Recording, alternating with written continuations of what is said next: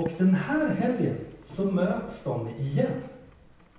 Och jag fick ett meddelande från dem igår. Så här står det. Hej, den här helgen träffas vi med de troende somalierna. Många har kommit, flera nya troende. Be att Herren fortsätter bygga sin församling bland det somaliska folket. De tillhör ett folk som utsätts för hemsk förföljelse och ofta dödshot om de väljer att följa den kristna vägen. Och ändå händer det. Ändå händer det att de upptäcker Guds levande ord i Jesus, i den heliga Ande och i Bibeln och överlåter sig till Jesus. Vi ska be en kort bön för dem. Kära Herre, omslut de somalier som träffas den här helgen. Jag vill be för att de ska få den kraft och den styrka som krävs för att de ska kunna gå dina vägar. Jag vill be för att du ska låta deras väg bli lättare, Herre. Jag vill be för att du ska omslut, omsluta dem och deras väg med kärlek och kraft. I Jesu namn. Amen. Ja, de blir kristna och deras liv blir hotat. Och ibland så dödas de också för sin tro. Och det är en väldig skillnad mot vår situation kan man tänka. Riksdag är ju en väldigt stabil plats på många sätt. Och här kan man få växa i sin tro, ofta i sin egen trakt, i sin egen takt, i sin egen trakt och i trygghet i många fall. Och eh, jag tänkte att vi skulle se på några, några bilder från Vrigstad här och bara glädja oss lite.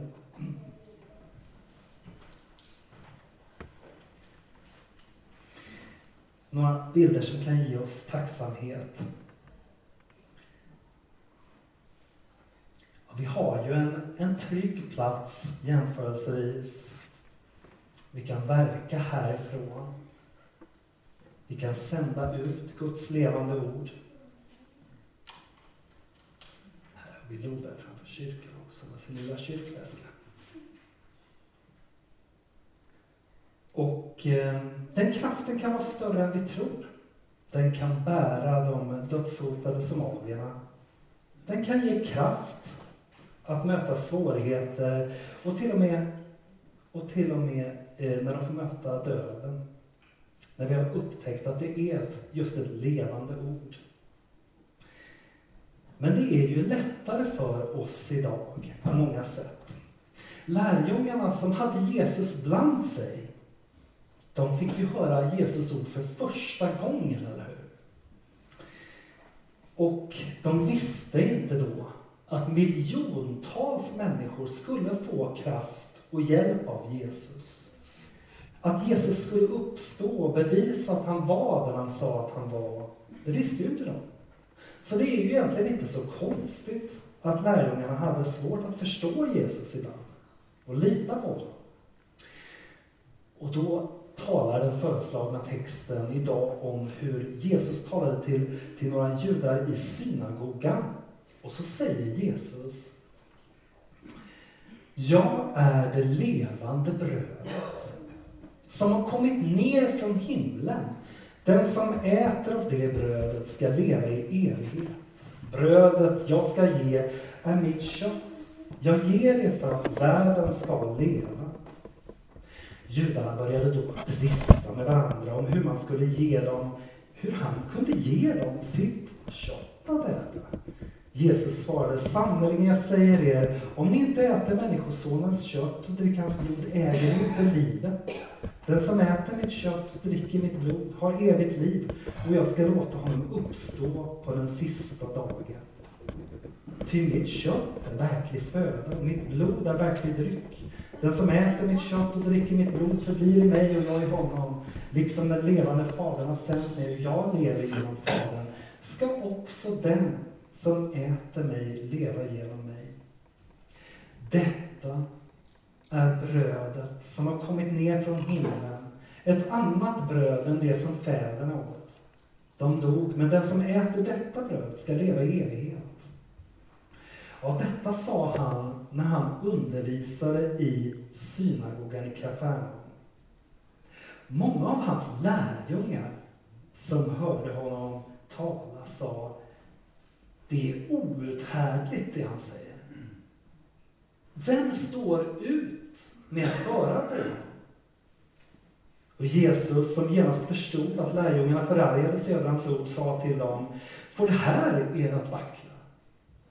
Hur blir det då om ni får se Människosonen stiga upp dit där han var förut? Det är Andens i Köttet är till ingen hjälp. De ord jag har talat till er är ande och liv. Men det är några av er som inte tror.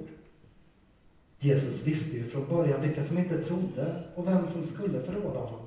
Och han fortsatte, det var därför jag sa er att ingen kan komma till mig om han inte får det som gåva av Fadern. Då drog sig många av hans lärjungar tillbaka och ville inte längre följa honom. Jesus sa till de tolv, inte ville ni också gå er väg? Simon Petrus svarade, Herre, till vem skulle vi gå? Du har det eviga livets ord. Och vi tror och vi förstår att du är Guds helige. Ja, till vem skulle vi gå? De trodde inte. Vissa slutade engagera sig.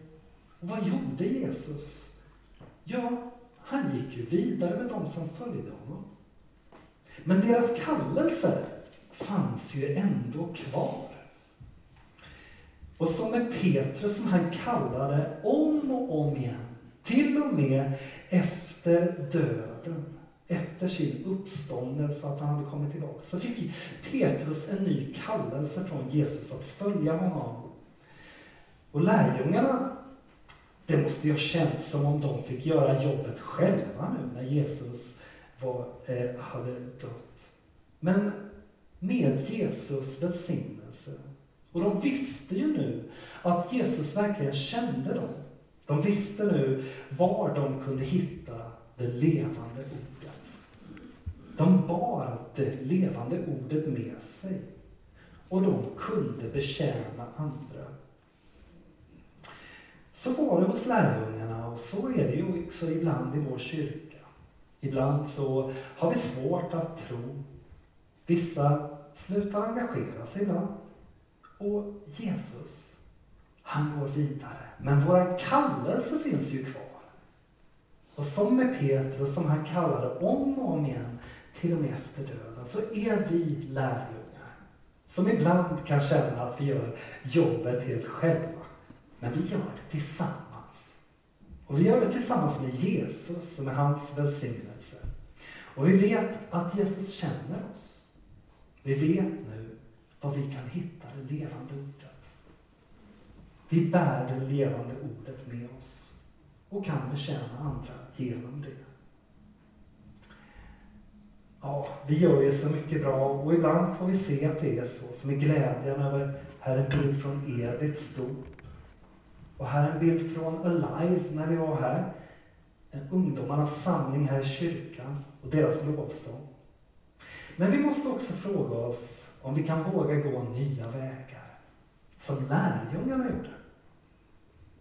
För gamla vägar öppnar inte nya dörrar, finns det ett talesätt som säger. Vi ber. Kära Herre, hjälp oss att komma med värme till människor i vår gemenskap och till människor utanför. vår gemenskap. Hjälp oss att vara en del av ditt globala uppdrag. Att leva i din kärlek och sprida din kärlek världen över. Ditt levande. Vi ber för somalierna som möts den här helgen. Låt dem få gå i flera nya steg i tro tillsammans med dig.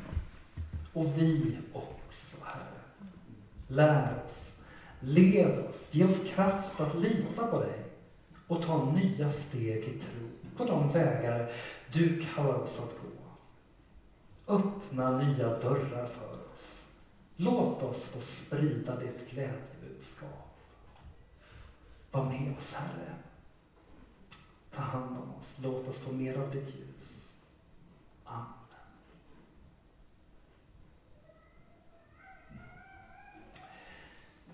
i vår gudstjänst idag så inbjuder Jesus Kristus oss att dela brödet och vinet i nattvarden.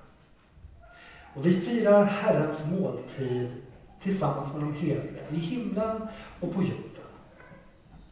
Och nattvardsbordet står öppet för alla som vill söka sig nära Kristus och dela gemenskapen med honom. Ni kommer att kunna ta emot nattvarden eh, och eh, det finns en gemensam kalk, vi doppar brödet eh, i vinet som är alkoholfritt och brödet är glutenfritt.